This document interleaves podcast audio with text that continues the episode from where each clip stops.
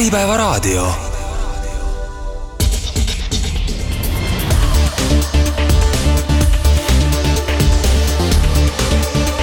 Деловые люди.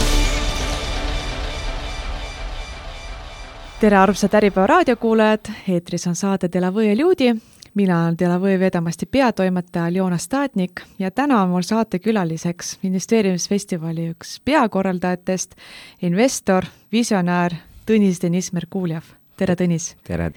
et väga mitmeid ametinimetusi nimetasin, et äh, aga tegelikult, äh, Tõnis, mis, mis on kõige iseloomustav, äh, mida võib sinu kohta siis täna öelda? see on tõesti väga hea küsimus, et äh, eks ma olen ka äh, otsinud ennast, et kes ma olen ja mis mulle kõige paremini sobib, et et noor inimene, noor mees äh,, kakskümmend üheksa aastat vana, pärit Tartust aga tõesti, et visionäär, äh, investor, investeerimisfestivali ja investeerimisklubi eestvedaja.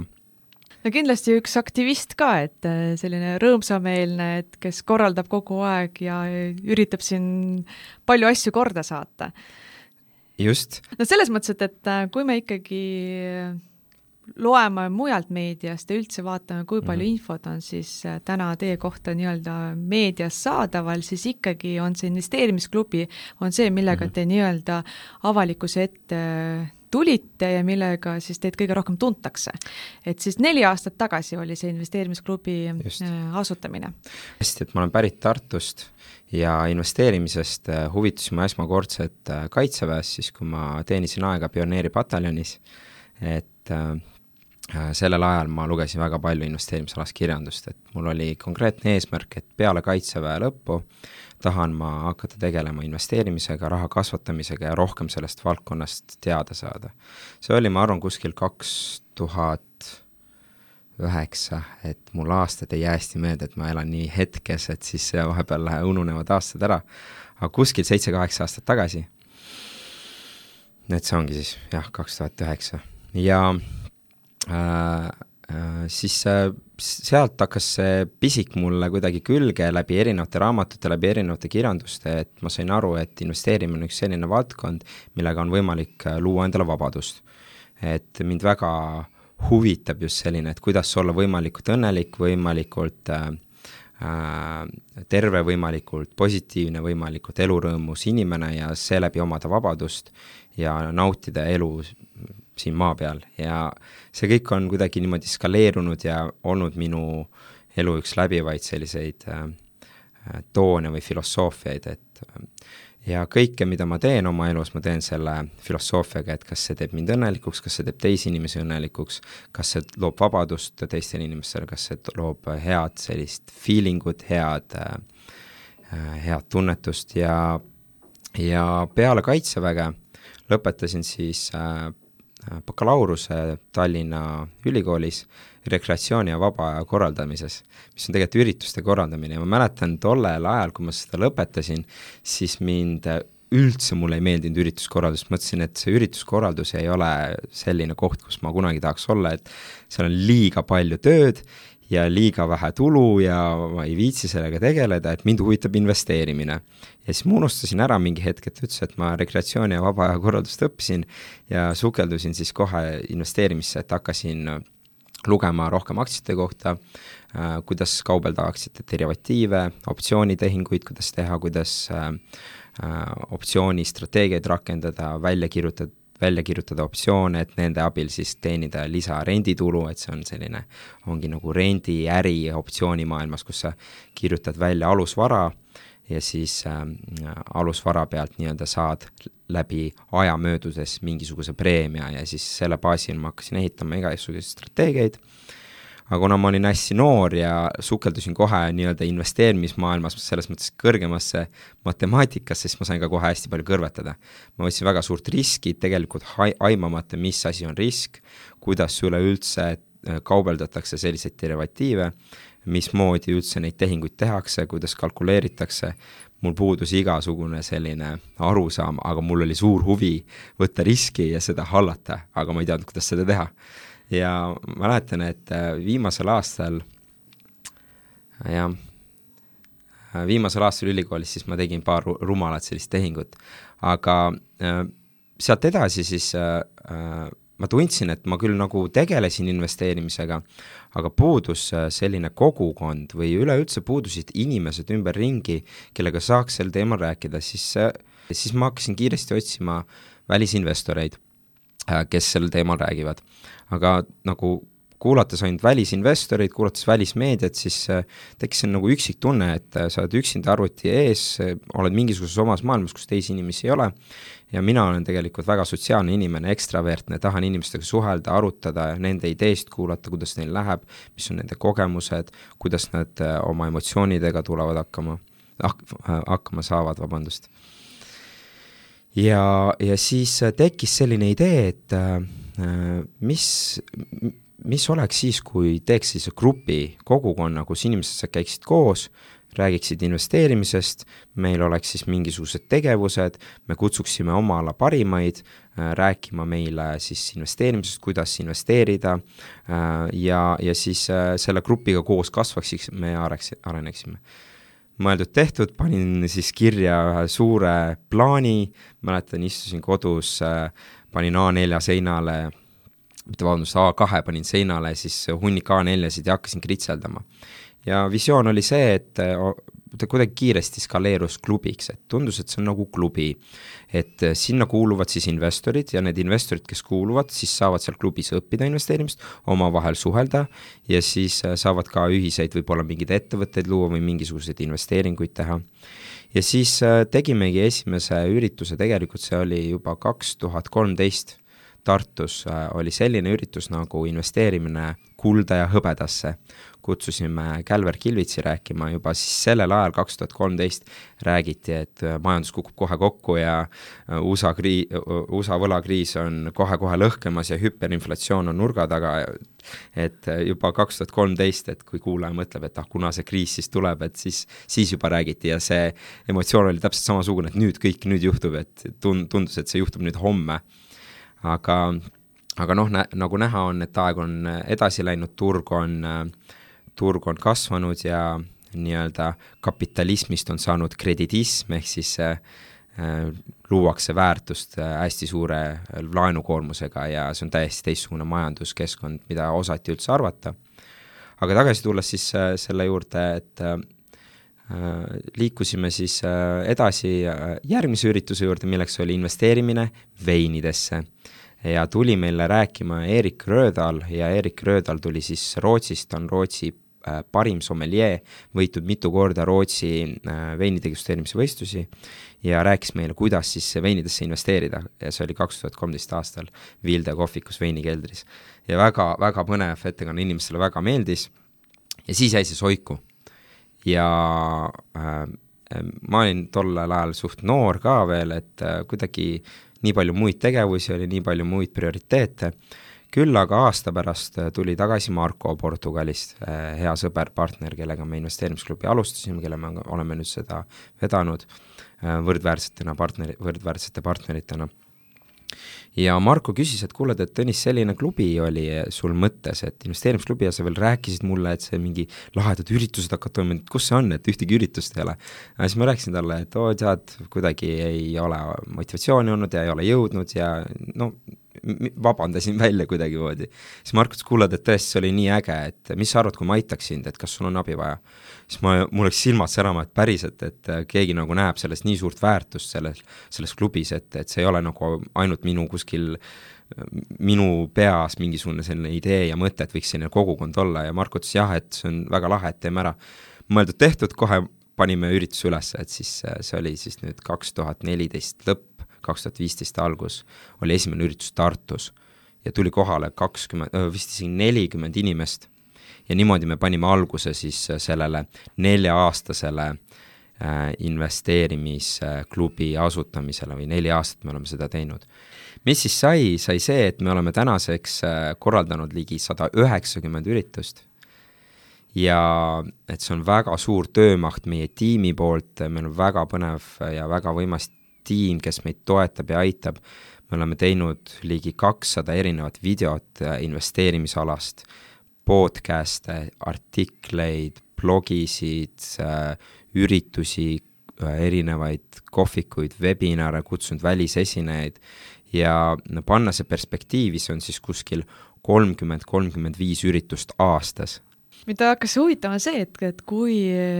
kui te alustasite, siis olite sõjaväes põhimõtteliselt, et selle ütleme investeerimisega, et et kust see algkapital tuli, et mida siis äh, esimese investeeringul kasutasite? tead, alustasingi nullist, nagu, nagu väga paljud äh, investorid ja iga järgmine samm on viinud äh, järgmiste investeeringute, järgmiste otsuste juurde. et kus ma esimese kapitali sain, noh, kuna Kaitseväes Äh, tollel hetkel sai süüa hästi ja me saime ka mingisugust, äh, mingisugust vist päevaraha, kui ma õigesti mäletan. Äh, siis, siis sellest läksid mõned investeeringud, ma siis tollel ajal nii hästi ei saanud aru veel investeeringutest, ma panin neid pankade fondidesse erinevatesse ja ma olin siis väga kärsitu investor ja ma tahtsin saada kõrget tootlust, mõistmata tegelikult eh, riski ja, ja kuidas üleüldse tootluse tegemine käib, et ma, minu, mäletan noorena, minu ainukene eh, mõte investeerimises oli see, et vaja saada kõrget tootlust. aga eh, see, et kuidas saada kõrget tootlust, seda, seda mind ei huvitanud või mis selle tegelikult tagajärg on, et kui või ma mis hind sellel on? mis hind sellel on, just, et kui sa tahad kõrget tootlust saada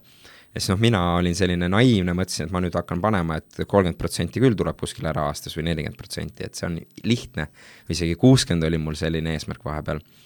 ja, ja siis äh, pannes siis äh, panga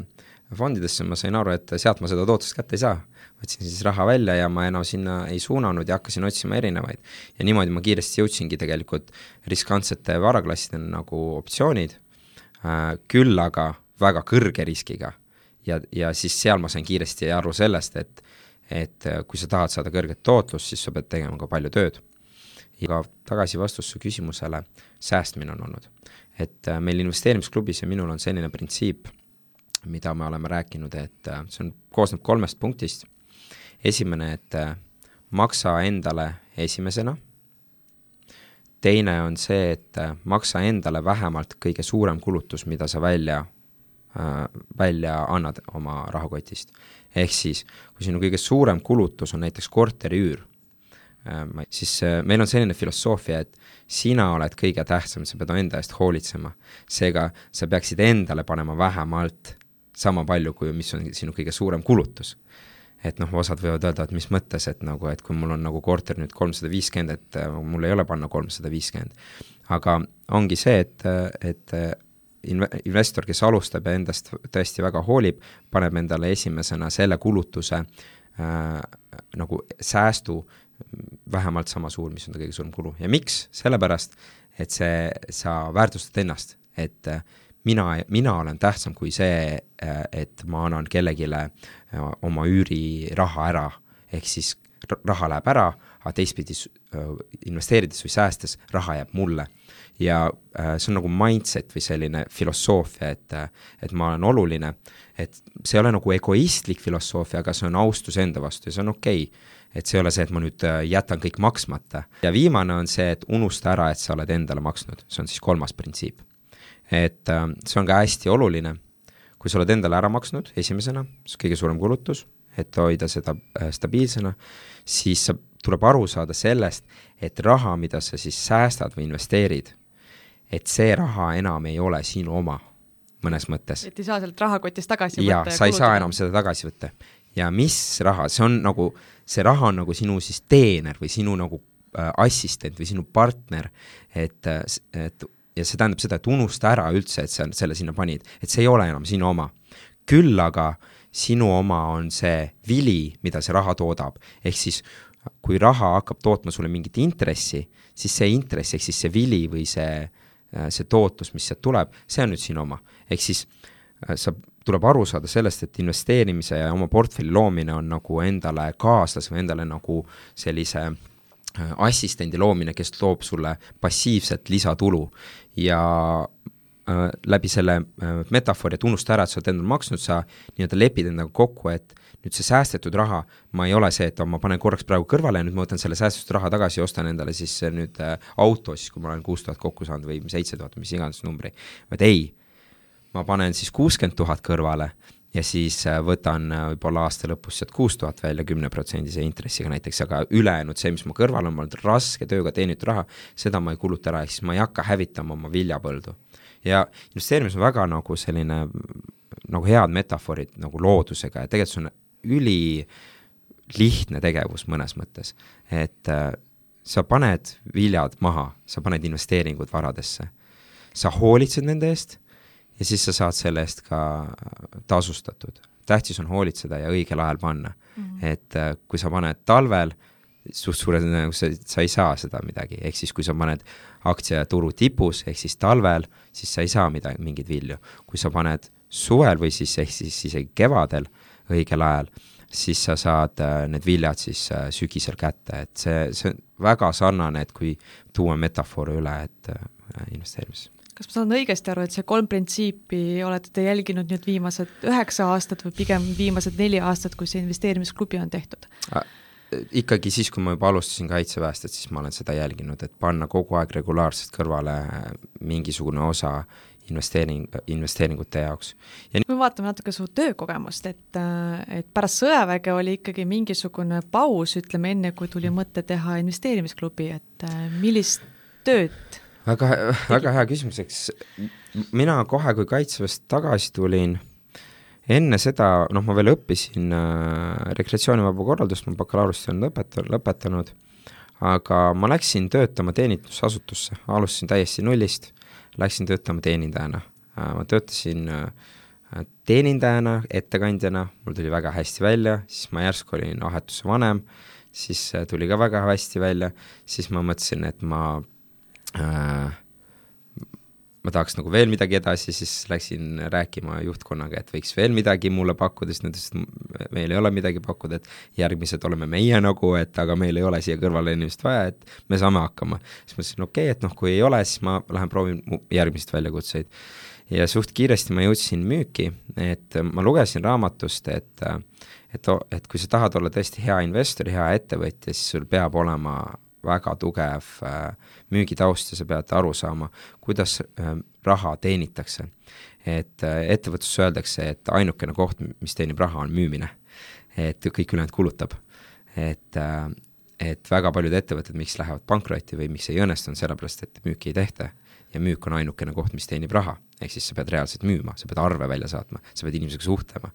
ja ma tahtsin sellest aru saada, et mis asi, mida see tegelikult tähendab. inimeste veenmine, inimeste läbirääkimine ja ma läksin müüma kaubanduskeskustesse. ma töötasin mitmes ettevõttes, et äh, proovisin kaubanduskeskuste otsemüüki, et ilmselt kuulajad tunnevad ära, kes, kes need inimesed võisid olla, kes kaubanduskeskust neid kõnetasid. see oli väga-väga äh, tänuväärt kogemus, sest et äh, see on olnud üks raskemaid töid, et äh,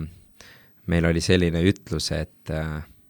äh, näkku saamine või nagu ei ütlemine, et äh, me saime üheksakümmend üheksa protsenti ajast ei-sid. ja, ja see, noh, kui te mõtlete inimestena, et, et mis inimene sa pead olema, et kannatada välja, et sulle öeldakse,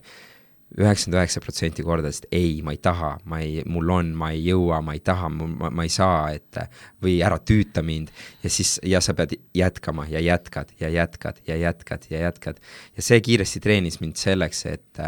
et mida rohkem ei-sid ma saan, seda kiiremini ma jõuan ka jaadeni. Ja see lõpetas mul austama müüki, õpetas mul austama neid inimesi, kes teevad seda tööd kaubanduskeskuses, tegelikult see psühholoogilised äh, kaubanduskeskus päev läbi seista ja inimestele siis äh, pakkuda teenust või siis neid äh,, nendelt küsida, et kas nad soovivad äh, seda teenust soetada või osta, et see on päris, päris raske töö ja nad teevad ka tööd. ja ma saan aru nendest inimestest, kes, kes ei taha, et nad oleks, sest et see on selline kapitalistlik ühiskond, et et kuidagi minu privaatsesse tsooni nüüd tullakse sisse ja ja mõlemast, mõlemast poolest ma saan väga hästi aru, aga noh, mõlemad pooled tahavad elada, tahavad, neil on unistused ja ja see õpetas mulle, mis asi on müük. peale seda ma läksin siis B2B äh, müüki õppima, et ma kuidagi olen võtnud seda kui õppimist, et kuidas siis äriklientidega suhelda. ja äh, sain siis meeletu kliendibaasi ühes ettevõttes, kus ma äh, müüsin, müüsin otse klientidele. ja ma mäletan, see kõige huvitavam võib-olla, ma mõnes mõttes ma olen nagu laisk ja laiskusel on oma, oma roll mängida, et äh, kui sa oled laisk ja sa tahad kiiremini tulemusi saada, siis sa mõtled loomingulisi lahendusi välja. ja ma mäletan, et ma sain oma baasi, siis ma läksin, Äripäeval tuli just välja rikaste top või parimate ettevõtete top. top sada. top sada just, ja ma võtsin selle top saja ja selle asemel, et hakata oma baasist helistama, ma võtsin top sajast ülevalt poolt, hakkasin helistama nendele ettevõtetele. ja ma sain väga kiiresti äh, top äh müügimeheks äh, selles ettevõttes. ja mul tuli väga hästi välja, suhtlemine on minul väga tugev külg. mida täpselt müüsite B2B äh, ettevõttele? me müüsime kontorilahendusi erinevaid, ehk siis kuid-, kõike kontoritesse, et mööbel äh,, Äh, seadmed, äh, printer, teenindus, äh, kõik, mis mu kontorisse vaja on, ehk siis minu nii-öelda kliendid, kellega ma suhtlesin, olid need kliendid, kes kes te-, vastutasid selle eest, et kui palju paberit vaja tellida või mis iganes tooteid, šokolaadi, kohvi, kõike, mis kontorisse vaja on. ja minu ülesanne oli siis nendele inimestele äh, pakkuda niivõrd kvaliteetne teenus ja niivõrd kvali-, kvaliteetne nagu müük ja niivõrd äh, hea kommunikatsioon, et see teeks nende elu tunduvalt lihtsamaks ja ma oskasin seda hästi teha. ma nägin läbi kohe, et mis, mis, mis väärtust ma saan luua. ja, ja ma siis äh, pakkusin seda klientidele nii palju kui võimalik. ja jälle, päevad läbi, numbrite mäng, telefon äh,, telefon kätte, et kui keegi tegeleb telefonimüügiga, siis äh, it's a numbers game, et kaheksakümmend äh, kõnesooritust päevas ja kakskümmend vastamist ja kümme, kümme siis close imist ja viis diili ja nii see käib ja iga päev. ja sealt ma õppisin seda, et äh, sprinterid ei jookse sadat meetrit, vaid nad jooksevad sada kümme meetrit. et äh, ma olin sellise mentaliteediga, et ma, ma ei tee kaheksakümmend, vaid ma teen sada, vaat, et ma, ma nagu teen rohkem selleks, et viia enda efektiivsust niivõrd palju kõrgemale, et ma suudaks teha kaheksakümmend nagu normiks. ja see on olnud raske, et ma olen alati ennast püüdnud nagu push ida sinna ja noh, et see, see on mentaalselt, psühholoogiliselt äh, ebamugav äh,, väga ebamugav, et sa pead, noh, et ma olen ennast niimoodi alati proovinud rohkem ja parem ja aga teiselt poolt äh, nüüd, kui ma tahan teha seitsekümmend kõnesooritust või ma tahan midagi lihtsamat teha, mul tuleb see väga lihtsalt ja ma suudan väga hästi hoomata, hallata äh, kõiki süsteeme, et ma olen alati püüdnud, ehk siis mitte sadat meetrit joosta, vaid sada kümme, ehk siis finišist läbi joosta, et äh, rohkem nagu anda endast, et treenida ka nagu rohkem, et et siis, kui vaja on, siis ma suudan ka rohkem eetris on saade Delavõie Ljudi, mina olen Aljona Statnik, Delavõie Veedamasti peatoimetaja. Ja saatekülaliseks on mul täna siis Tõnis Deniss Merkuljev, kes on tegelikult üks äh, investeerimisfestivali korraldaja, investor ja visionäär. Ja saate esimeses pooles äh, Tõnis rääkis väga elavalt sellest, et kuidas see kõik alguse sai, kuidas ta sõjaväes hakkas juba raha kõrvale panema ja kuidas ta on siis aastate jooksul õppinud müüki, ürituste korraldamist ja jõudnudki täna siis sinna paika, et äh, nädalavahetusel, seitsmendal, kaheksandal ja üheksandal juulil toimus suuremahuline investeerimisfestival, kus kohal oli ligi kolmsada viiskümmend inimest oli nii? just, et me täpseid numbreid veel kokku lugenud ei ole, aga jah, kolmsada viiskümmend, kolmsada nelikümmend, kuskil sealkandis, jah et tõeline festival, et äh, kõik sellised aktivistid, kes vähegi juba investeerivad või mõtlevad ja tahaksid investeerida, olid igal juhul kohal. ka mina ise käisin kohapeal ja ilm oli ilus, hästi palju nõuandeid sai kuulata ja selliseid, ütleme, päris inimesi sai vaadata, kes on ka kõik täiesti nullist alustanud ja rääkisidki oma kogemusest aga paraku kõlas ka, ütleme, investeerimisfestivalil see, et investeerimisklubi, mida sa siis, Tõnis, alustasid äh, umbes neli aastat tagasi, hakkab uksed kinni panema. et mis siis toimub täpselt? see on väga hea küsimus, et, äh, et me täiesti, me oleme küll öelnud, et me lähme pikemale puhkusele aga me ei ole veel nagu kinnitanud seda, et nüüd klubi täiesti ära kaob ja meie kuhugi nüüd ära kaome siit eh, telepordiga mingisse teisse dimensiooni, et me jääme täiesti alles. küll aga jah, et eh, investeerimisklubiga on see, et me oleme täna jõudnud eh, sinna faasi, kus me tunneme, et see, see taotlus või see eesmärk, mida investeerimisklubi kandis ja miks me seda lõime, on on, on saavutatud ja me vajame nii-öelda aklimatiseerumise aega, et mõista, mida me nüüd järgmisena teha tahame ja mis väärtust ja mis väljakutset me maailmas tahame parandada, aidata inimesi. Et konteksti juurde pannes, siis investeerimisklubi eesmärk oli luua tugev investorite kogukond, kes äh, käivad omavahel läbi, kes saavad omavahel läbi, kes jagavad investeerimisteadmisi, kes kirjutavad blogisid, kes käivad üritustel, siis me näeme, et äh, me oleme selle hästi saavutanud, äh, ka festivali näitel kolmsada viiskümmend inimest, kakskümmend kaheksa esinejat, et me tunneme, et see eesmärk, mis klubi kandis, luua kogukond, panna käima kõik, jagada informatsiooni, Äh, on saavutatud. Ja me peame nüüd aklimatiseeruma, vaatama kõrvalt, äh, äh, kuulama erinevaid, erinevat tagasisidet, mis inimestel on. Ja siis äh,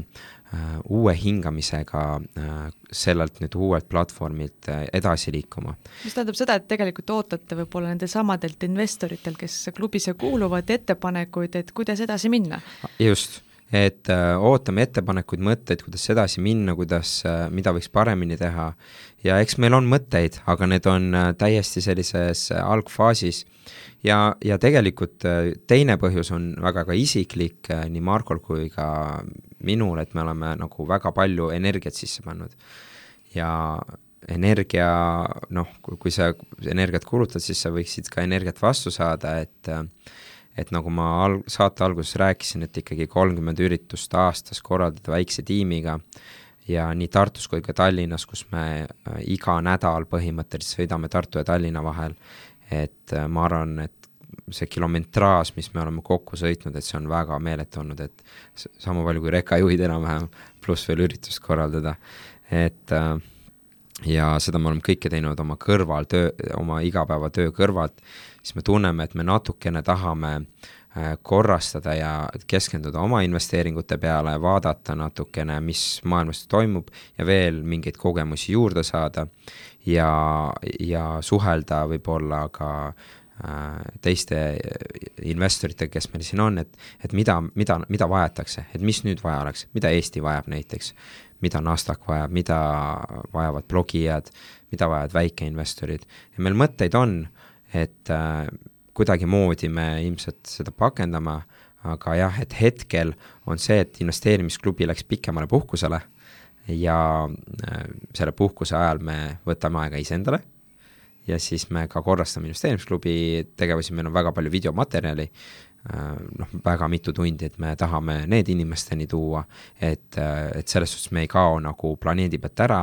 jälgige ikka investeerimisklubi kodulehte, investeerimisklubi Youtube'i, kõik Instagramid, kõik on olemas, et äh, signige appi, subscription, kõik, mis teil võimalik teha on, et tehke ära. et te küll ütlesite, et äh, Tallinn ja Tartu ja, ja sada üheksakümmend üritust siin aastast, aga, aga üks oluline üritus oli ka eelmisel aastal hoopis Singapuris, mis ei ole üldse siin lähedal. et äh, kakskümmend kaheksa kuni kolmkümmend november toimus siis Singapuri EXPO-s suur investeerimiskonverents, mida te ja. korraldasite koos Mikk Talpsepaga. et ähm, et see vist ei läinud nii hästi, kui võib-olla see investeerimisfestival, mis nüüd nädalavahetusel siin Tallinna lähedal oli? et äh, tegelikult ma, vot see on hea küsimus, ma ei tea, kust nagu see täpselt tuli niimoodi, et see nii hästi ei läinud. et äh, tegelikult oli see väga suur edu, et me oleme Mikuga ka seda rääkinud, et äh, et noh, ilmselt võib-olla meedial oli vaja mingit sellist äh, leida midagi huvitavat või mingit kõmu ja kuidagi äh, noh, toodi välja, et aga tegelikult oli see väga suur edu et esimese aasta üritus, mis äh, ajas kokku ikkagi üle tuhande inimese ja nelikümmend äh, professionaalset investorit, maailma top-taseme professionaalset investorit, äh, kes neist võib-olla mitte ükski ei ole käinud Eestis. Ja kõik tulid Singapuris eestlaste korraldatud konverentsile varajuhid, suured varajuhid, kes juhivad miljardisilisi fonde väga kõrgete tootlustega, ööbisid Marina Bay Sandsis, Äh, maailma kõige top äh, hotellis, äh, korraldus oli ideaalne, esinejate kvaliteet, esinemistavad, esinejate vastuvõtt, seal on nii palju detaile ja tagamaid, millest on rää-, mis on veel rääkimata, mis on kõik tehtud. et, et me ei saa öelda, et see nüüd oli läbikukkumine või mis, mis iganes, vaid tegelikult on see, me siiamaani usume ja teame, et see on olnud suur edu ja ega noh, miski pole veel läbi, et kas me... tuleb teist aastat järjest ka selline üritus või? no see, see nõuab aega veel, et see kõik võtab aega ja me oleme Mikuga arutanud, mõelnud, arutanud, vaadanud, mis võimalusi on, et, et hetkel ei saa midagi öelda. küll aga saab öelda seda, et Eesti on pandud kaardile, et eestlasi Singapuris tuntakse ja eestlasi tuntakse ka investeerimismaastikul ja tunnustatakse, et kõik esinejad, kes meil käisid, et noh, nimekad nagu Brian Tracy äh,, siis äh, Jim Rogers äh,, Anton Crail äh,, doktor Dan Chong-Kaia, kõik väga tuntud äh, oma ala spetsialistid, teavad, kes on eestlased, kes korraldasid äh, World Wealth Creation konverentsi ja meil on hea reputatsioon ikkagi. mis edasi saab ja kuidas, see nüüd sõltub äh, ajast ja sõltub äh, turust ja sõltub ka mis võimalused turul on ja kuidas neid kõige paremini ära kasutada. et, et selles suhtes kõik, kõik on hästi kui tuleme tagasi nüüd Eestisse ja räägime sellest investeerimisfestivalist, mis toimus siis seitsmendal, kaheksandal ja üheksandal juulil, et kakskümmend kaheksa esinejat, kolm päeva, kolmsada viiskümmend pluss äh, kohal olijaid, et ise käisite ka laval ja olite sellise poolmoderaatori vormis ja pool ajast olite kuskil ütleme, lava taga ja möllasite seal, et äh, mis emotsioonid täna teil täpselt on, et kas äh, oli, oli täpselt selline üritus, nagu olite ette kujutanud ja võib-olla mis nippe äh, endale siis nii-öelda taskusse panite? et, äh, et tõepoolest, et ma arvan, et see on meil investeerimisklubis üks edukamaid üritusi, ma räägin, mis energia mul praegu on, ongi tänulikkus ja tegelikult suur edu. ja suur edu nagu mitte investeerimisklubile ja mitte nii väga meile, vaid suur edu kogukonnale. et äh, see näitas seda, et meil on kokkuhoidlikud, toetavad eh, investorid, inimesed, kes julgustavad üksteist, inspireerivad üksteist ja jagavad teadmisi. Ja seda meil ongi rohkem vaja, et inimesed toetaksid, julgustaksid, eh, sest et eh, kodus üksinda raha sukasäärde kogumine on suht keeruline tegevus, sest et sul jäävad vahepeal sellised, kuidas öelda, ilusad asjad ostmata siis sa pead, oled üksinda oma mingisuguses sellises tulevikuplaanis, et, et see nõuab sellist inspiratsiooni ja toetust, et lõpuni välja minna ja, ja see finantsiline vabandus kätte saada. aga mis kõlama jäi, mis on see, mis, mis just teile tundus kõige olulisem? Et esmakordselt me tõime siis välisesineja ja Stig Broderson oli siis äh, see mees, kes tuli meile rääkima äh, investeerimisest ja mis minu jaoks kõige rohkem jäi kõlama, on see, et äh, see on tegelikult kaks asja, ma räägin kahest punktist, et alustan siis sellest esimesest, et et meil endal Eestis on tegelikult väga-väga asjatundlikud ja väga tugevad investorid. Et äh, ja doktori, äh, doktorikraadiga majandusteadlased, et äh, me ei pea väga kaugele vaatama, et saada väga tugevat investeerimisõpet juba siinsamas Eestis. et me vahepeal investoritena alahindame, aa, me siin Eestis, ma ei tea, tegelikult meil on päris hea teadlikkus juba finantsiliselt ja rahatarkuselt ja tasub neid kuulata, tasub nendega suhelda, et see võib väga kiiresti saada oma investeerimisoskused väga heale tasemele. Nüüd teine punkt on see, et, et tasub Eestisse tuua väliskülalisi. Ja Stigi toomine oli väga suur edu ja väga suure tähtsusega just sellepärast, et Stig tõi meile väga tugevalt vaadet välismaad, kuidas välisinvestorid tegelikult hindavad ja vaatavad USA aktsiaid. Ja Stigi näiteks VIP sessiooni ajal tuli välja selline väga huvitav mõte, et erinevus Balti turul ja erinevus USA turul on, USA turu investorite ja Balti turu investorite peal on, on väga huvitav. nimelt USA turu investorid väga palju keskendunud selle peale, et kui palju on ettevõtluslaenu, et nad, nad tahavad, et ettevõttes oleks palju laenu ja et see ettevõtte laenukasutus oleks võimalikult äh, efektiivne ja nad vaatavad, mis on siis top artiklite müügid, ehk siis top toodete müügid ja vaatavad, et kui hästi nad müüvad, mis rentaablusega. Ja see on äh, nende investorite jaoks äh, väga oluline, et äh,, et võetaks väga palju riski. Ja noh, nimetatakse, et USA investorid on, USA ja USA investorid on riskimaiad, et nad tahavad omada väga palju riski ja, ja siis äh, riskiga opereerida ja seda on nende kultuuris sees, seda on näha ka nende krediitkaardi pealt ja seda on näha ka ettevõtte laenukoormuse pealt. vastupidiselt Balti äh, investor või siis ka Eesti investor tahab võimalikult vähe, et oleks laenu. Ja kõik kardavad laenu, et kui ettevõttel on laen, siis kõik kardavad, et, et see laen on paha, seda on näha ka Eesti võlakoormusest, Eesti on kõige madalam võlakoormus, võlakoormuse riik. Ja see on kuidagi meil selline mentaliteet. Küll aga need kaks investeerimislähenemist täiesti erinevad et äh, nüüd sellest eestlasliku investori mentaliteediga, kui sa Balti turul vaatad, et ettevõttel oleks võimalikult vähe riski, nüüd lähed USA turule ja hakkad vaatama, et ettevõttel oleks võimalikult vähe riski, need nagu äh, ei käi omavahel koos. ja siis eestlasel on natukene keeruline nagu nagu langetada seda investeerimisotsust, et et kuidas ma investeerin ettevõttesse, meil on meeletu võlakoormus, no näiteks kaevandussektoris kaheksakümmend protsenti võlakoormus või siis noh, näiteks Tesla teenib äh, meeletut kahjumit kogu aeg, et kuidas sa paned sellisesse ettevõttesse raha. ja selline Stig Brothersoni vaade, ehk siis välisinvestori vaade, et kes ei tea, kes on Stig Brotherson, et Stig Brotherson on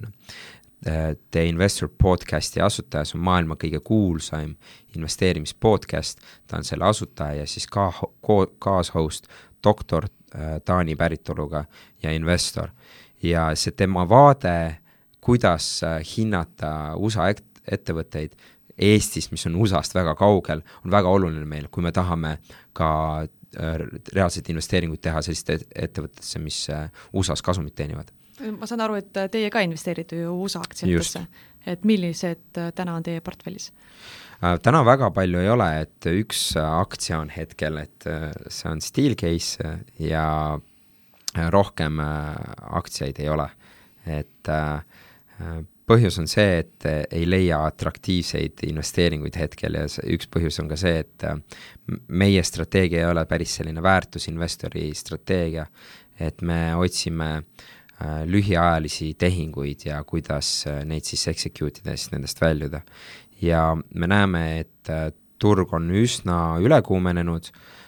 PE suhe price to earnings on väga kõrge, Schiller, Schilleri PE on ka väga kõrge, et me äh, hetkel äh, pigem hoiame oma raha äh, ma räägin meie, sest et neid investeeringuid ma teen ühiselt läbi äh, väikese sellise äh, pundi, on selline väike investorite kogukond, kellega meil on ühis, ühis selline alternatiivfond loodud. et seal on siis teie sõber Marko ka või äh,? jah mm, -hmm. just, ja et, et hetkel me hoiame turult eemal, et me vaatame lihtsalt, kuhu see suur võlarakett liigub, et äh, me näeme, et see ei, ei ole jätkusuutlik ja sellise äh, nagu riskiga ettevõtete ostmine ei ole meile hetkel kõige atraktiivsem. küll aga äh, on muud investeeringud, mis äh,, mis meile meeldivad aga see on, see on minu isiklikud investeeringud, mis ma, mis mulle nagu meeldivad. et saade esimesest poolest rääkisitegi, et optsioonid on see, mis teile on hingelähedased ja ka kinnisvara vist, et et täna on portfellis teil siis täna on jah, portfellis kinnisvara, äh, ühisrahastuses erinevad strateegiad üles ehitatud ja, ja mõned äh, siis äh, aktsiatehingud, jah et investeerimisfestivalil kõlas ka see, et tegelikult ka meie Tallinna börs on üsna hea koht, kus alustada ja kus tegelikult ikkagi investeerida, et ikkagi oma Eesti ettevõtetesse mm. -hmm. kui palju teil nendesse usku on äh,? Absoluutselt, et äh, meil on ikka väga palju häid ettevõtteid, stabiilseid ettevõtteid siin, siin piirkonnas ja kõikidesse ettevõtetesse mul on usk, nüüd äh, kõik sõltub hinnast ja väärtusest, et, äh, et mis hinnaga sa midagi saad ja mis väärtust sa sellest saad. et hetkel on lihtsalt mul investorina ja investeerimisklubi eestvedajana väike eelis äh, muudes äh, platvormides, kus ma oma väikese kapitaliga, noh, mis ma, noh, ma ei tea, ma olen pigem, võib nimetada mind ikkagi väikeinvestoriks, et äh, ma saan nagu paremat äh, tootlust kuivõrd Balti turul, et minu, minu isiklikult, minu investori profiili jaoks sobivad teised investeeringud. küll aga teistele investoritele, kes võib-olla ei oma sellist informatsiooni-eelist, et neil on tõesti hea äh, Balti turg, sest et need ettevõtted on meil käega katsutavad, me kõik saame minna Selverisse, me saame vaadata, kas Selveri banaanimüük on endiselt hea või ei ole hea, kas Selver endiselt kasvab ja ka see Selveri auto, automüük on ka kasvav ja et me saame nagu seda kõike käega katsuda ja ka kaubamajas käia ja vaadata ja, ja tunnetada omanikena. samamoodi Tallinna Sadam, samamoodi Tallink, et me saame vaadata, et kas Tallink areneb, kas uued laevad tulevad, kuidas uued laevad paigutatud on, kes teab, et Tallink on niivõrd äh, pigem nagu kaubandusettevõte, kuivõrd äh, sõi-, äh, nagu transportettevõte, et siis väga ilus uus laev on neil nagu äh, näeb välja nagu kaubanduskeskus äh,, kes on käinud, teab. Ja vaatamata nendele ilusatele iseloomustustele teil ikkagi ei ole ühtegi jah, et minu, see, kui rääkida isiklikult minult, ma tean, et on investorid, kellele need sobivad, äh, kui rääkida minu investori profiilist, siis äh, äh, siis mul on eelised kuskil mujal, et et just puhtalt riskitulu suhtega ma pigem investeerin muudesse varaklassidesse. küll aga ma, kui ma oleks natuke teistsugusem investor, investori profiil, siis äh, mul oleks võib-olla mõned ettevõtted, mis äh,, mis mulle silma jääks et äh, aga kõik sõltub täpselt hinnaga äh,, mis hinnasuhtega ja mis ajahorisondiga ma investeeringuid teha tahan. et äh,, et kindlasti üks äh, huvitav investeering, mis äh,, millest ma oleks osalenud, kui ma oleks olnud teistsuguse investori profiiliga, oli Tallinna Sadama IPO, et äh, suur et, Eesti ettevõte tuleb ikkagi börsile ja see hind, millega ta tuli minule investorile investorina tundus tol hetkel atraktiivne, et küll aga mitte nii atraktiivne, et mina oleks pidanud kuidagi oma portfellit allokeerima just äh, just Tallinna Sadamasse. aga ma räägin täpselt, et siin tuleb panna konteksti, et see, igal investoril on oma profiil, oma teadmised, oma oskused ja, ja võib-olla aasta-kaks tagasi oleks olnud see, täpselt see investeering Äh, kuhu ma oleks ta-, tahtnud siseneda ja ilmselt kuhu ma oleks ka sisenenud. et raadiokuulajale oleks natukene selgem, et siis milline see profiil teil täpselt on? See investori profiil? Äh, minule jah, et äh, mul on eelis äh, ühisrahastusplatvormidel, siis ma oskan hinnata sealset riski ja sealseid investeeringuid, sealseid laene ja ma oskan siis nendesse laenudesse investeerida niimoodi, et ma saaksin keskmisest investorilt kõrgemat tootlust, samas säilitades oma riski madalamana ja osates siis seda riski optimeerida. et, et selline on minu profiil ja äh, jah, ja, ja siis ka kinnisvara, et äh, noh, kinnisvara on äh, lihtsalt sellepärast, et mul on selline stabiilne püramiid loodud, et mul on osa, püramiidi alumine kiht on siis raha, raha ja siis tulevad raha tootvad äh, varad nagu kinnisvara, passiivset raha tootvad varad, siis tulevad juba riskantsemad varaklassid nagu aktsiad, erinevad äh, fondid äh,, noh, on olemas ka äh, kinnisvarafond, Efteni kinnisvarafond ja Baltic Horizon kinnisvarafond ja siis ülevalpool on juba ühisrahastus. et kuna äh, investorina mul on eelis, siis ma pigem investeerin sinna ühisrahastusse, et hetkel. küll aga jälle mingi ajahetk see võib muutuda, et seda nagu ei saa võtta kui nagu soovitusena või sa nagu mõtled, et aa, et nüüd Tõnis Tõnis paneb ühisrahastusse, et mina nüüd lähen ka kohe siis, et see et tuleb aru saada, et, et, et igalühel on oma see arusaam, kui palju sa tead, kui palju sul eelist on, et et kui midagi üldse nagu rääkida investeerimisest, siis siis pigem rääkida nagu investeerimispüramiidist. ja ma võib-olla räägiks natukene lühidalt kuulajale, et mis on investeerimispüramiid, investeerimispüramiid on selline püramiid, kuidas sul on ära jaotatud põhimõtteliselt varad. Ja kui sa oled täiesti võhik investor, siis enamus võiks olla rahas et kõige hullem asi, mis investeeringutes saab juhtuda, on see, et sa jääd oma rahast ilma. Ja sul on äh, enamus, on siis püramiidi põhjas, tugev stabiilne vundament, on raha ja siis väga madalaga, madala riskiga investeeringud, riigipoolselt tagatud hoiused, riigipoolselt tagatud võlakirjad, siis järgmine aste kõrgemal ja siis see, seal toimub ka protsentuaalne jaga, ja jaotumine vastavalt siis sinu teadmistele, on rahavoogu tootvad investeeringud, kinnisvara äh,, siis äh, sellised äh, äh, dividende tootvad aktsiad ja siis äh, äh, ülevalpool lähevad juba riskantsemad üksikaktsiad ja siis täitsa üleval on siis derivatiivid. ja, ja siis peaks investor ise vaatama, et kui ta on alustav siis investeerib alumisse põhja ja kui ta on siis juba edasi jõudnud, siis ta võib võtta ka ülemise tipu selliseid keerulisemaid strateegiaid, et paremini optimeerida oma riski ja püüda siis kõrgemat tootlust teenida no väga põnev, igal juhul meil hakkab juba saade nüüd otsa saama ja alati üks küsimus, mida ma küsin oma saatekülaliste käest, et kuna saade nimetus on Delavõe Ljudi, ehk siis me kutsume siia saatesse sellised, ütleme, slaavi päritoluga mm -hmm. silmapaistvaid inimesi, et siis ma küsin ka, et Tõnis Deniss Merkuljev, et kuidas teil on nende juurtega, et kas teie vanemad, vanavanemad on kuidagi siis slaavi päritoluga ja kes te ise täpselt täna olete? see on väga hea küsimus, et seda on mult väga vähe küsitud, aga ma olen ise seda uurinud, mul on väga põnev olnud, et, ähm, et minu üks pool, ema pool, äh, siis äh, äh, vanaema ja vanaisa, vanaisa on siis Eesti päritoluga ja siis täitsa eestlane, Eestimaal sündinud, siis Võrumaal, kes siis omal ajal saadeti Äh, siis äh, Siberisse ja siis nad tulid siis tagasi sealt ja vanaema on siis mul ukrainlane. ehk siis mõlemad on oma need sõjakannatust läbi kogunud, aga siis eestlane ja ukrainlased kokku äh, ja noh, ta, vanaema siis käis, oli Venemaa, Venemaal siis Ukraina seal Peterburis blokaadi ajal ja, ja siis nad omavahel said kokku ja neil siis tekkis paar, siis isapoolne äh, vanaema, tema äh,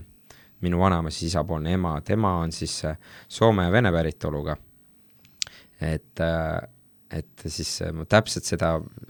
ajalugu seal ei tea küll, aga jah, et Soome ja Vene ja